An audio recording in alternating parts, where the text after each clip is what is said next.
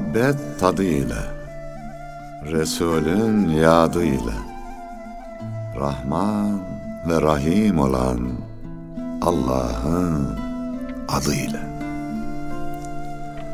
Pervaz vurup aşk yurduna, Düşenlere selam olsun. Hasret içre döne döne, Pişenlere selam olsun. Yakıp gönül ocağını, Alıp sevgi sancağını, Bismillah'la ben dağını, Aşanlara selam olsun. Sabır taşı soylu mihenk, Azim gerek, iman gerek, Hak yolunda yalın yürek, koşanlara selam olsun. Cennet düşünce yadına, dönüp bakar mı ardına, ermek için muradına, coşanlara selam olsun. Bitince hayret zamanı, gelmeli gayret zamanı, dalga dalga met zamanı, taşanlara selam olsun.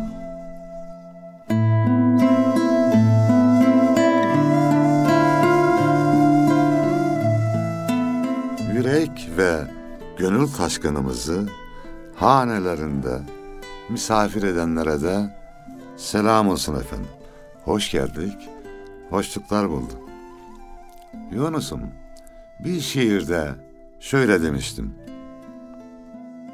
Uçurtmanın kuyruğunda çocuk olsam, çocuk olsam, rüzgarların buyruğunda çocuk olsam, çocuk olsam. Kararırken rengi suyun, akşam olur, bitmez oyun, yelesinde yağız tayın, çocuk olsam, çocuk olsam. Anadolu ocağında, bir aile kucağında çocuk olmak güzel bir şey. Yani dünyada cennet dönemi olsa, öyle bir şey olsa bu çocukluk dönemi olurdu. Peki Anadolu'da çocuk olmak böyle güzel de Afrika'da çocuk olmak nasıl bir şey? Neler gördün? Hocam Afrika'da çocuk olmak 40 yaşında bir adam gibi derinden ağlamaktır.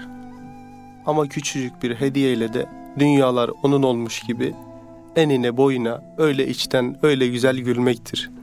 Afrika'daki çocukların gözlerindeki tebessümde ya da gözyaşlarında bunları gördüm.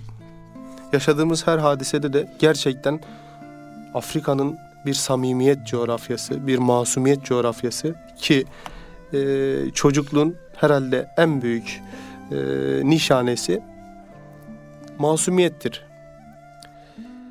Bu hususta e, çocuk kalabilen insanların da herhalde o masumiyet hassasını kendilerine barındırdıklarını, çocuk olmak kadar çocuk kalmak da güzel bir şey. Masmavi boncuk yüreğim, nazlı bir çocuk yüreğim. Herkese açık yüreğim, kimseye düşman değilim. Sevmekten pişman değilim. İnsan büyüdükçe sanki yüreği de büyüyor, büyürken biraz kabalaşıyor da. Evet. Çocukken buyurduğunuz gibi çok saf, çok temiz duygular var. Kavga eder iki çocuk. İpek mendil kuruyana kadar. Biraz sonra geri oynamaya başlar. Adımız miskindir bizim, düşmanımız kindir bizim. Biz kimseye kin tutmayız. Kamu alem birdir bize diyor ya Yunus Emre. Evet. Bunun ölçüsünü çocuklarda görmek mümkün. Eyvallah efendim. Ben Afrikalı çocuklardan öğrendiğim şeylerden bahsedeceğim. Evet. Yine Seybetullah Yüce kardeşimiz bizimle kurbanda Sudan'a gitmişti. Ee, o da hatıralarını inşallah paylaşacak. Ben Afrika'da çocuklardan öğrendiğim en önemli şeylerden bir tanesi bir meybon şekeriyle dünyalar onun olmuş gibi sevinmek. Yani küçük şeylerle mutlu olabilmeyi öğrendim. Türkiye'ye döndüğümde gerçekten bir dost tebessümüne dünyalar benim olmuş gibi sevinmeye çalıştım oradan öğrendiğimle. Sonra ağlamayı öğrendim. Hatta Medine'ye gittikten beri Afrika'ya gidene kadar ben ağlamayı seven bir insanım. ve fakat e, ağlamam için bir sebep bulamadım o iki yıllık bir süreçte. Bu da beni içerledi. Ruhumda bir daral var. Afrika'ya gidene kadar ağlayamamışım. Afrika'ya gittim. O Esselamun Aleyküm Esselamu Aleyküm hadisesinde motosikletinden düşen adamın halini terennüm ederken ağlamak geldi içimden. Ağladım. Sonra bir şiir yazdım. Ağlayamadığım zamanda yazmıştım daha doğrusu. Ağla hasbi affa muhtaç bunca cürmün var iken. Affa muhtaç her günahkar affolur ağlar iken. Bunca cürmün affolur her damla yaş damlar iken. Var iken ağlar iken damlar iken sen yar iken diye. Satranç şiir olmuş hem de bu. Ee, Yavuz Evet. Sultan Selim Şah'ın e, Sanma Şahım herkesi sen sadıkane yar olur e, şiirindeki gibi yansımalı bir aruz şiiri e, oldu bu. O ağlayamamak e, benim içimde bir dert olmuştu. Ağladığımız kadar insanız. Ben de ağlayan insanlara müdahale etmem. Ha çocuklar düştüğünde ağlasın. Sünnet olduğunda çocuklar ağzına lokum sokarlar. Ağlama. Ya bırak kardeşim ağlasın ya. Ağlamak insan olmaktır. Normal bir duygudur. Evet. Necip Fazıl Üstad da öyle diyor. ya, Ağlayın su yükselsin de kurtulsun gemi diyor. Rahmetli. Yani gözyaşıyla iyilik ve güzellik gemisini yüzdürebiliriz. Evet. Seyvetullah, Afrika'da sen de şunu gördün mü? Bir poşet balonla kaç gönüle girilir? Bir avuç şekerle kaç gönül fethedilir? Evet. Sen de öğrendin mi Afrika'da? Afrika'ya gidip de bunu öğrenmeyen yoktur herhalde abi. Geçen programda hocam e, gönül fethetmenin siyasi coğrafyayı genişletmekten daha evla olduğuna değinmişti. Evet. Afrika'da bunu siz küçücük bir şekerle ya da bir balonla çok rahat yapabilirsiniz. Bir çocukta bunu çok rahat görebilirsiniz. Afrika'da çocuklar e, bir balona dokunmak için birbirleriyle yarışıyorlar. Evet. Bir balonu şişirip havaya attığınızda o balonu ta farklı bir yere götürene kadar peşinden kovalıyorlar. Evet. Ben dokundum sen dokundun yarışına giriyorlar. Elinizde bir şey kalmasa bile balon şekeriniz bittiğinde e, bir kolonya ikramında bulunsanız riha riha riha diye bağıran kendi arkadaşlarının arasında bana koku sürdüler bana koku sürdüler diye Evet. sevinen çocukları çok rahat görebilirsiniz. Evet. Tabii bunları görünce hocam e, insan acaba benim ülkemdeki çocuğa e, bir şeker verdiğimde de bu kadar mutlu olabiliyor mu diye e, düşünmeden edemiyorsunuz. E, belki de yeni yetişen jenerasyon da e, bu şekilde sevinebilir. Ama ve lakin sanki biraz biz e, kendi çocuklarımızı e, rahata alıştırıyor, küçük şeylerle mutlu olabilme sanatını yaşatmıyoruz. Bir yakınım var psikiyatri uzmanı. Onun tespiti şu. Bu ruh hastalıklarının sebebi şükürsüzlük var hocam diyor. Problem bu diyor. Şükretmeyi bilmiyoruz. Yani kapitalist sistem bizi de etkiliyor. Daha, daha, daha. Kurban olduğum bir insan Uhud dağı kadar altını olsa bir o kadar daha ister. İnsanın dünya nimetleriyle doyması mümkün değil. Evet. Şükretmeyi bilmek lazım. Asıl zenginlik şükür zenginliği. Siz balonlardan bahsederken ben de zamanında sevgi uçurtmaları göndermişim Afrika'ya Yunus'um. Dinlesek ne güzel olur hocam. Evet o zaman okuyalım o şiiri. Sevgi kuşağı uçurtmalar.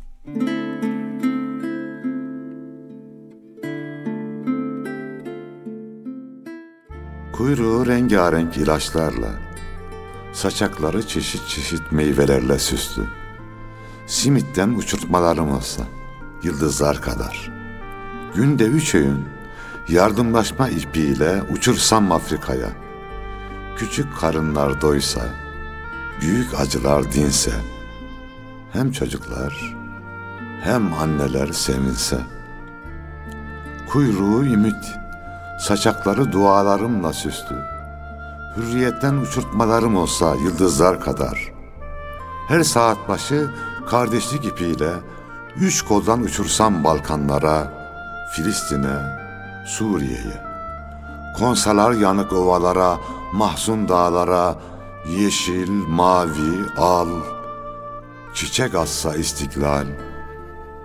Kuyruğu kardeşlik, saçakları dostlukla süslü, sevgiden uçurtmaların olsa.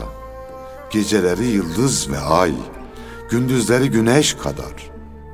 Gönül ipiyle her an uçursam uzaya, gökyüzü ışıl ışıl, yeryüzü pırıl pırıl sevgiyle dolsa.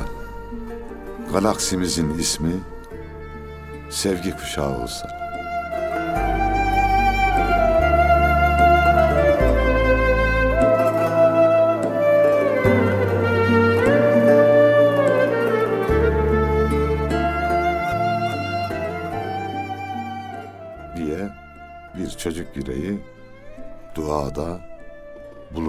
Bu sevgi kuşağının en çok da Afrika'da kurulması gerekir.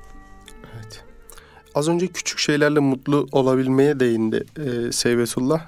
Bu hususta hocam çocuklarımızı yetiştirme tarzımızda bir arıza var mı diye düşünüyorum. Birçok aileye bakıyorum çocukları 10 yaşında akıllı telefon alıyor. Haberi var ya da yok. 12-13 yaşında çocuğun bir kız arkadaşı oluyor ya da erkek. 18 yaşında altına araba veriyorlar. Hepsini geçtim çocuklarımız 5 yaşında, 6 yaşında koca adam filmleri, dizileri izleye izleye yaşından daha erken büyüyorlar. Fakat Afrika gibi bir coğrafyaya baktığımızda onların büyüklerini bile bir şekerle mutlu edebiliyoruz. Hakeza bizim küçücük çocuklarımızı büyük şeylerle mutlu edemiyoruz. Bu yetiştirme tarzımızdaki arızadan mı kaynaklanıyor? Nedir bunun e, hastalığı? Ona dikkat etmek gerekir. Ben kendi hayatımdan örnek vereyim. 78 yılında öğretmen oldum Yunus'um. Bisiklet alacağım. Aylarca hesabını kitabını yaptım. Sonra 80'li yıllarda Osmaniye'ye geldim. İkinci görevlerim Peugeot motosiklet alacağım. Aylarca onun hayalini kurdum, hesabını yaptım. Ama yaz günü de motosiklete bindiğim zaman var ya üzerimde de yelek ceket varsa giderken rüzgarda böyle dalgalandı mı at üstünde giden Alpleri hatırlıyordum. Alperenleri evet. hatırlıyordum. Onlar gibi mutlu oluyordum. Dolayısıyla çocuklarımızın gerçekten mutlu olmasını istiyorsak bazı şeylere arzu etmelerinde, bazı şeylere hasret duymalarında fayda var. Evet. Her istediğini her an ulaşırsa mutlu olamaz. Bir zaman koyalım veya ona bir görev verelim. Şunu yap evladım. Kur'an okumayı öğren. Sana şu istediği şey neyse. Cep telefonuysa, şuysa, buysa. Gerçi o cep telefonunda belli bir yaştan önce alınması doğru değil. Onu ehline sormak gerekir. Bir şeyi başlatarak namazını kılmaya başla sana şunu alayım evet. gibi güzelliklere vesile kılarak en azından çocuklarımıza bazı ikramlarda bulunabiliriz. Kıymetini bilsin yani. Ee, çok olan şeyin kıymeti bilinmiyor. Annemizin babamızın kıymetini bile evdeki yuvanın sıcaklığını kıymetini bile ayrılınca anlıyoruz değil mi? Evet. Askere gitmeyene Anadolu'da adam muamelesi yapmazlar. Doğru. Birçok sebebi var. Bir sebebi hasretle pişiyor. Her şeyin kıymetini öğreniyor. Dolayısıyla hasret duymak gerekir, özlemek gerekir. Bazı şeyler o zaman değeri artar. 2005 yılının en iyi şiiri seçilmiş bir Afrikalı çocuğun ağzından yazılmış bir serzeniş var. Dinleyelim.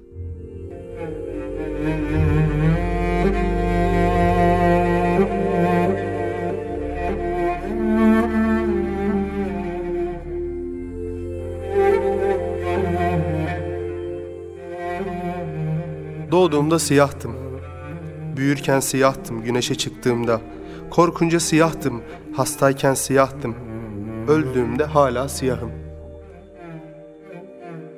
Ve sen beyaz çocuk, doğduğunda pembesin, büyürken beyaz. Güneşe çıktığında kırmızısın, üşüdüğünde mor, korktuğunda sarı, hastayken yeşil, öldüğünde de grisin. Şimdi sen bana hala renkli mi diyorsun?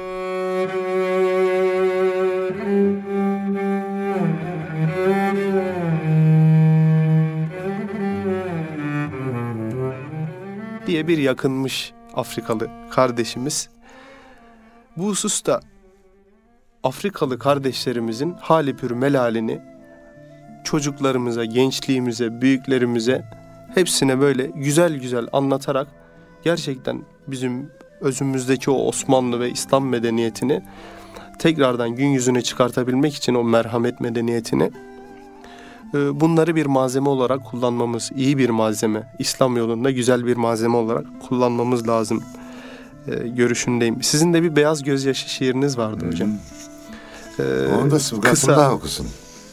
Mehmet Akman abimiz, teknik yönetmenimiz, Sıvgatullah kardeşimizi az konuşturuyorsunuz dedi. Demin bizi uyardı Allah razı olsun. Emeklerinden dolayı da Mehmet kardeşimizden Allah razı olsun. Yunus'um burada programı yapıyoruz.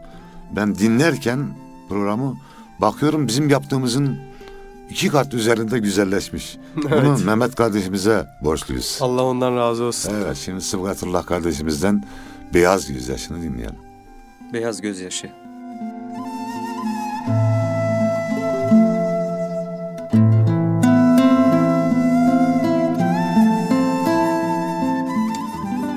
Ey zalim! İstersen bütün dünyaya her gece kapkara yazılar yazdır. Nişan almış karanlığın kalbine, mazlumların gözyaşları beyazdır.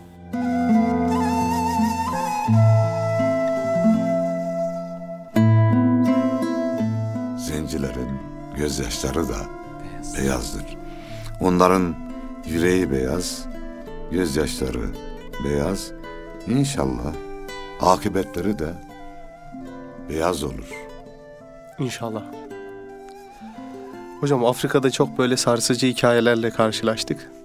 Ee, bazı ülkelerde beyaz görmemiş köylere gidiyorduk. Bu köylere böyle 200 kilometre falan kat ederek gidiyoruz. Yine bir köye gittik. Beyaz görmediğini biliyoruz o köyün. Yani beyaz bir insan görmemiş hayatında. Zaten orada teknolojiye dair herhangi bir araca dair hiçbir şey yok. Elektrik yok. Suyu da zaten yaya bir şekilde ellerine bidonlar alarak temin ediyorlar. Orada hocam yedikleri tek besin kaynakları bizim darı dediğimiz, mısır dediğimiz onun koçanından garip bir meyve şey yapıyorlar, yemek yapıyorlar. Onun pürçüklerindeki arpa gibi, buğday gibi bir şey var. Onu ince ince çıkartıp un gibi bir şey yapıyorlar. Çok da lezzetli olmayan bir yemek çıkıyor. Ve o darının e, sapı var ya hocam, dalları var. Hı. Dallarını da normal bir yemek gibi yiyorlar. Hı. Yani affedersiniz bizim hayvanlarımızın e, yediği yemeklerle besleniyorlar. Ama gidiyoruz dünyanın en güzel şükrünü onlar ediyor. O beyaz görmemiş köylerden bir tanesine gittik. Tabii çocukları da görmemiş hayatında beyaz. Bizim çocuklarımız hayatında ilk defa siyah bir insan görse ürker. Yaşları da küçükse zaten çığlık çığlığa kalır. Çocuk ürker de normalde Allah'a şükür ülkemizde e, siyah kardeşlerimize evet. herkes normal davranıyor. Orası Normal de zaten. Evet tabi artık yani güzel bir köprü. Ben yeni Mosna'da oturuyorum orada saat falan satıyorlar. Her gördüğümde onlara selam veririm. Selamun aleyküm nasılsın iyi misin? Öyle devam ederim. Allah razı olsun. Ama işte o gittiğimiz beyaz e, beyaz görmemiş köyde girdik böyle çocuklar hayatında ya bu bu insanlara ne olmuş falan gibi bir gözle baktılar. Hemen annelerin eteklerinin arkasına saklandılar. Biz anlatmaya çalışıyoruz. Yerel dil de bilmiyoruz. Orada Havsa ya da Swahili gibi diller konuşuluyor. Annelerin eteklerinin arkasına sakla, saklanıyorlar. Anneleri de korkuyor. Bizde araçlar var, lüks giyinimli. Bunlar bizi sömürmeye mi geldi? Halbuki sömürülecek Neyse bir şeyleri de yok. Biz tabii elimizdeki balonları şişirmeye başladıkça gözü yaşlı çocuklar annelerin eteklerinin arkasından çıkıp yavaş yavaş balonu almak için yaklaşıyorlar korka korka. Sonra çocuğa balonu uzattığımızda şekeri poşetini açıp e, ağızlarına verdiğimizde kucaklarımıza gelmeye başlıyorlar. Aa bu işte zararsız bir şey değilmiş diye. Bazı köylerde gerçekten çocuklara şeker verdiğimizde kabuklarıyla yediklerini de gördük. Yani bu bize gerçekten hayatın manasına vakıf olmamız gerektiğiyle ilgili çok mühim bir ders. Çok görevler düşüyor demek. Çok hocam. Acı ne kadar çoksa o kadar çok çalışmamız gerekiyor. Ben şundan hep korkarım. Yarın mahşer gününde hani anne çocuktan kaçacak, kaçacakmış ya. Evet. Bu Af- Afrika'daki kardeşlerimiz yakamıza yapışır da Allah. hesap sorarlar diye korkuyorum. Bari, bari sizler farz-ı kifaye olarak oraya gidip yardım ediyorsunuz da inşallah o sorumluluğumuz da azalmış olur. Seviyetullah sen böyle sarsıcı hikayelerden anlat. Ne gördün Sudan'da? Ne sarstı seni? Birkaç tanesini anlatmıştım zaten geçen programda da. Yahya ve Osman'dan bahsetmiştim. Evet. O küçük çocukların büyük gönül e, zenginliğinde geçirdiğim hatıraları an, paylaşmıştım. E, gençleri o Sudan'ın halkının e, çocukları beyazların hepsini e, Türk olarak biliyor Hmm. dediler bize. Yani bu İngilizdir ya da şu Amerikandır diye ayrım yapamıyorlar. Herkesi Türk olarak görüyorlar. Hatta biz sokaklarda dolaşırken Türkiye Türkiye diye bize bağırırlardı. Evet. Türk Türk diye. Ee, ama genç genç çağına geldiği zaman bu çocuklar ayrımını yapabildiğini söylediler. Hatta Sudan gençlerinin Sudan haberlerinden daha çok Türk haberlerini takip ettiğini, Sudan'da olan e, faaliyetlerden, hadiselerden daha çok Türkiye'de olan hadiselerin e, bilindiğini söylediler. E, mesela 15 Temmuz gecesinde yaşanan olaylardan sonra orada gençlerin bir araya gelerek Büyükelçiliği yürüdüğünü, Büyükelçiliğin dışında, Büyükelçilik de çeşitli faaliyetler yapmış 15 Temmuz'dan sonra. E, Kendisi bir araya gelip gösteri yürüyüşleri yaptıklarını söylediler. Halkın Evet. kendisi organize olmuş. Evet. Onun videoları vardı izledim.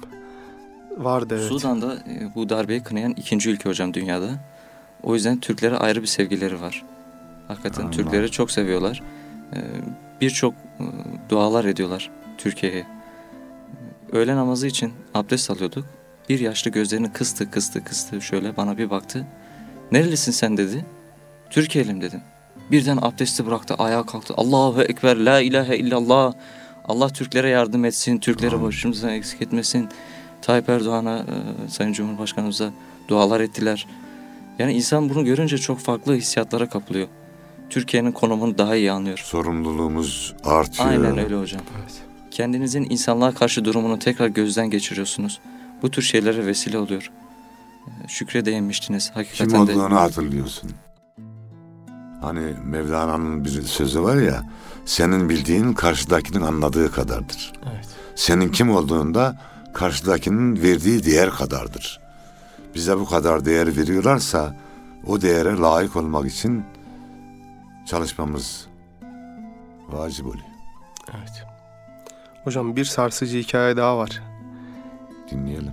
Bunu da Nijer'de yaşadım yine.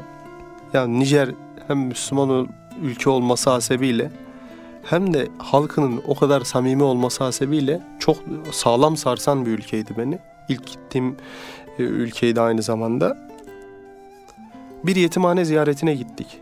Bu yetimhane hem hafız yetiştiriyor hem medrese ve okul olarak da kullanılıyor hem de yetimhane işte. 40 kadar yetim kalıyor. Bu 40 yetimi ziyarete gittik.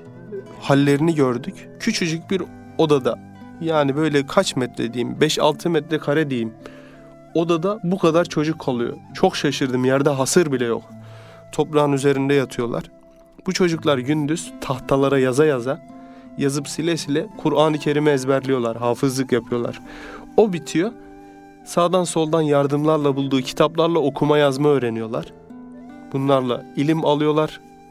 Geçimlerinde her namaz vakitlerinde camilere gidip orada dileniyorlar. Ve geçimlerini böyle karşılıyorlar.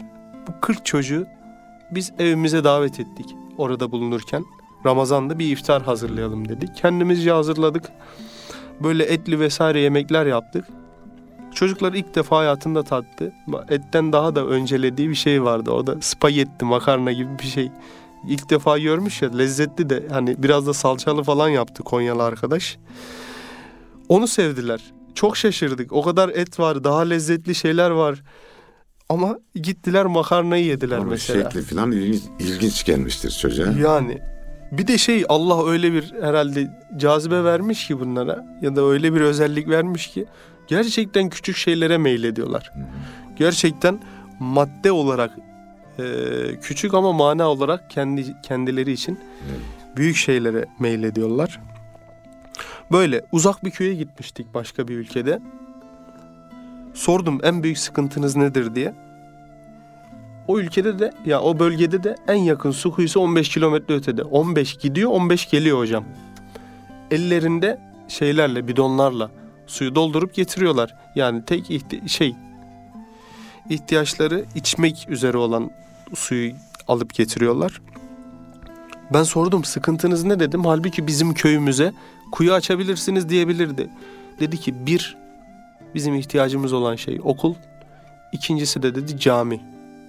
Biz bir susuzluktan ölebilirim sıkıntı değil. Benim çocuğum okuyarak kendi İslam'ı, kendi dinini ve kendi medeniyetini öğrensin diye okuması lazım. Ve gelecekte bizim halkımızı, Müslümanları kurtarsın. İkincisi de biz Müslümanız. Cami demek bu beldede özellikle de gayrimüslim beldelerde bir İslam'ın sancağı demektir, bayrağı demektir. Burada cami olursa gayrimüslimler buraya gelmekte çekinirler. Mühür gibi oluyor onlar. Mührü oluyor onların. Hasılı bir okul, iki de cami dediler. Yani bu kadar açlıkla, susuzlukla sınanan bir insan niye bunları istiyor? Elhamdülillah ki Allah onlara böyle bir ruh vermiş. Ben de e, bir şeyle karşılaşmıştım hocam.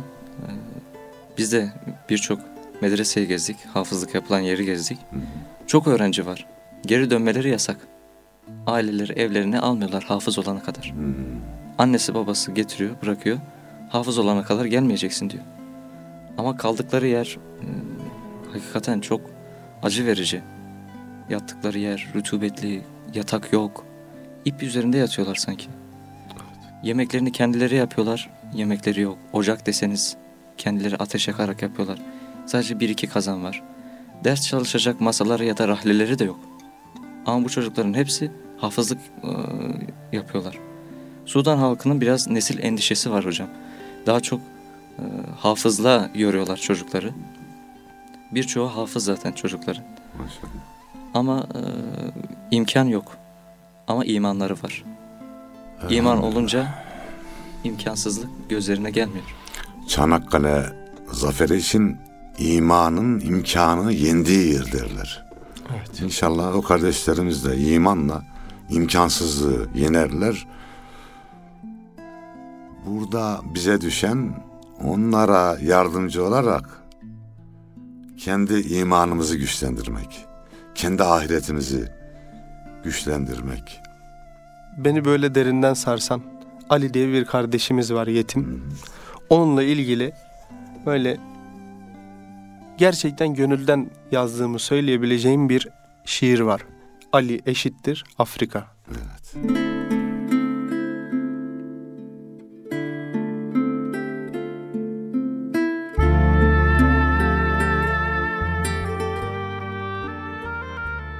Bir beyazın selamı nelere kadir. Esselamu aleyküm. Siyah atından düşer. Hangi hisle düştüğünü bilemem. Bir ihtimal mutluluk, bin ihtimal korkudan. Beyaz artı Müslüman. Eşittir tarifi yok. Korku mu, ümit mi, huzur mu, dert mi? Bazen korku olmuş çünkü bazen de ümit. Bazen huzur, bazen dert. Beyaz eksi Müslüman, o da sadece vahşet. Bu vahşetten çokça bahsetmek isterdim. Gece tenli, gündüz yürekli insanları, ebedi müstemlekesi gören haydutlara satır satır sövüp saymak isterdim. Dünya sövmekle güzelleşen bir yer olsaydı bunu yapardım. Ancak bütün kelimeleri unutturdu bir çocuk. Ali, 8 yaşında, Nijerli, yetim. Babasını bir kazada kaybetmiş. Aklı ermese de kalbi eriyor. Hatırında değilse de babası, burnunun direğinde bir sızı. Bazı insanlar memleket gibidir, bazıları gurbet. Ali'de onu gördüm. Ali Afrika. Belki de bundan sebep gurbeti hissetmedim. Ali memleket gibi. Ramazandı. Her gün aynı yerde, aynı saatte iftar kazanı gibi kaynaşırdık Ali ile. Yemek tasını alan gelirdi tüm fukara sırada. Fukara dediysem zengini bile muhtaç. Elimi sallasam elli çocuk toplaşırdı yanıma. Bir poşet şekerle fetihlerden bir fetih. Bir tası ters çevirir darbuka yapardım. Kimi oynar kimi alkış tutardı. Ali omzumda günler uzun olsa da vakit ışık hızında. Güneşin ne alıp veremediği var Afrika'yla. Su neden yoksa? Yüce kullar yüce imtihanla sınanır ya, Afrika'da böyle, Ali de. Her gün 20 kilometre yürürler iki bidon su için. Sözünü ederken bile buharlaşıyor insan. Her şey buharlaşır Afrika'da, samimiyet hariç. Gülmenin de ağlamanın da hakkını verir bu coğrafya. İlkin garipsedim anladım sonra. Derin acıların yıprattığı gönüller daha içten tebessüm ediyorlar hayata. 40 yaşında bir adam gibi derin ağlıyordu Ali. Dünyalar onun olmuş gibi içten gülüyordu. Oradan biliyorum. Sormaya yeltenemedim, sorulmaz da zaten. Susuzluk mu zor, babasızlık mı Ali? Akşamüstleri her gün aynı yerde, aynı saatte. Aynı güneşin altında kavrulurduk Ali ile. Gölgesi yok Afrika'nın. Herkesin gölgesi derdi gibi kendi içinde. Yalnız tenler siyah Afrika'da, gerisi aydınlık, gölgeler bile. Çok güldük biz Ali ile. Gözlerinin bir dünya, biri cennet gibiydi. Gülünce ikisi de cennet. Bir kez ağlattım onu dönerken. Sarıldı, gitme diyemedi, dilimi bilmiyordu. Hoş ben de onun dilini. Aynı dili konuşamasak da birbirimize anlatamadığımız hiçbir şey olmadı. Gitme diyemese de anlattı Ali. Ama döndüm. Ağladık. Bilmediği dilimle bir şey söyleyebildim gözlerinin içine. Yine gelirim Ali.